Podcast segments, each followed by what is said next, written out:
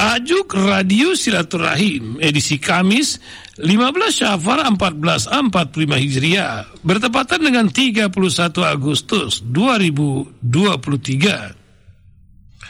Diberi judul Kesadaran Pentingnya Mengatasi Polusi. Kekhawatiran manusia atas masalah lingkungan yang dapat mengurangi kualitas dan kenyamanan hidup mulai nampak pada akhir pertengahan abad ke-20. Hal ini nampak antara lain dari pertambahan perbendaharaan kata-kata yang dijumpai saat itu. Seperti erosi, polusi, intrusi, efek rumah kaca, kabut fotokimia, hujan asam, dan lain-lain. Istilah-istilah ini menunjukkan adanya masalah besar yang dihadapi manusia Masalah yang saat ini harus dicermati dengan sebaik-baiknya kalau kita tidak ingin planet bumi yang hanya satu ini tidak dapat memberikan daya dukung alamnya bagi kelangsungan hidup manusia. Isu hangat yang disoroti halayak terkait dengan masalah di atas saat ini adalah polusi udara.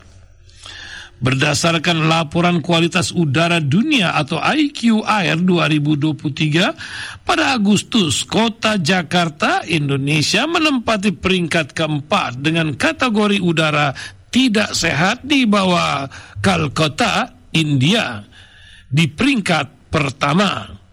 Diikuti oleh Dhaka, Bangladesh, Kuching, Malaysia sebagai negara yang udaranya paling polusi di dunia. Pencemaran udara yang terjadi dipicu oleh bentuk gas, cair dan padat tertentu yang di, yang terpendam di udara. Partikel berasal dari aerosol, debu, asap pabrik, kebakaran hutan, asap kendaraan bermotor, dan asap rokok dari kendaraan bermotor saja. Menurut data Kementerian Lingkungan Hidup dan Kehutanan, jumlah kendaraan bermotor di Indonesia pada tahun 2022 mencapai lebih dari 135 juta unit. Emisi gas buang dari kendaraan bermotor seperti karbon monoksida, nitrogen dan oksida dan partikel debu menyumbang sekitar 70% dari polusi udara di kota-kota besar di Indonesia. Sektor industri dikatakan KLHK menunjukkan bahwa industri merupakan sumber polusi udara dan air yang signifikan di Indonesia. Pada tahun 2020, sekitar 50% dari total emisi gas rumah kaca di Indonesia berasal dari sektor industri, terutama dari sektor energi dan pengolahan limbah. Pada tahun yang sama tercatat 25 ribu perusahaan di Indonesia dianggap sebagai sumber polusi. Kegiatan manusia lainnya, konstruksi dan pembangunan infrastruktur juga dapat menyebabkan polusi udara dan tanah. Selain itu, pembakaran sampah, kegiatan industri kecil, dan limbah elektronik juga dapat menyebabkan polusi. Belum lagi sektor pertanian. Data dari Kementerian Pertanian menunjukkan bahwa Penggunaan pestisida di Indonesia mencapai 120 ribu ton per tahunnya dengan sekitar 75 persen digunakan untuk tanaman pangan. Penggunaan pupuk kimia di Indonesia juga meningkat dari 9,5 juta ton pada tahun 2015 menjadi 11,7 juta ton pada tahun 2020. Hal ini menyebabkan polusi air, tanah, dan udara berdampak negatif pada kesehatan manusia. Polusi yang terjadi di Indonesia karena adanya beberapa faktor seperti pertumbuhan ekonomi yang cepat, urbanisasi yang tinggi, serta kurangnya pengawasan dan penegakan hukum terhadap industri dan kegiatan yang menghasilkan polusi. Selain itu, kurangnya kesadaran masyarakat tentang pentingnya menjaga ekonomi juga menjadi faktor penyebab polusi di Indonesia.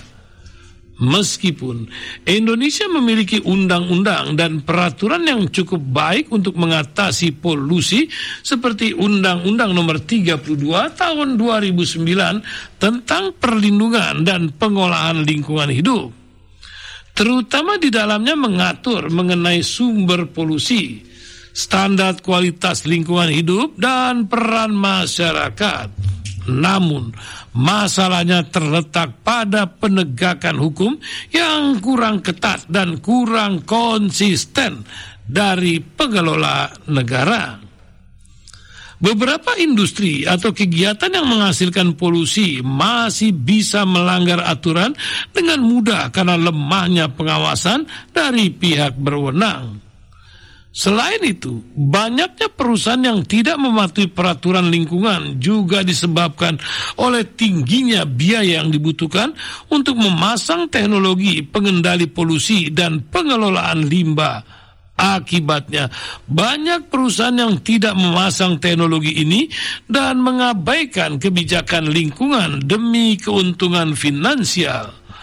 Fakta ini seolah-olah menjelaskan bahwa agar persoalan polusi udara yang tidak kunjung usai ini lahir dari praktek kebijakan yang kapitalis, kebijakan yang hanya mengakomodasi segelintir elit dengan negara sebagai fasilitator. Mengatasi masalah polusi di Indonesia, maka pemerintah, industri, dan masyarakat perlu bekerja sama dengan berbagai upaya mitigasi dan adaptasi. Upaya pengurangan polusi dapat meliputi berbagai tindakan seperti peningkatan regulasi dan pengawasan investasi pada teknologi, pada teknologi bersih dan pengurangan penggunaan bahan bakar fosil meningkatkan edukasi peduli lingkungan kepada publik secara luas harus konsisten dilakukan.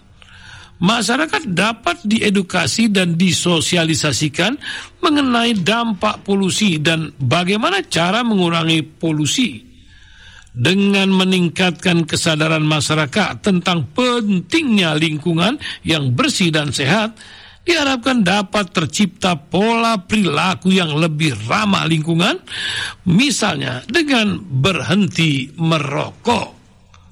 Wallahu a'lam bisawab.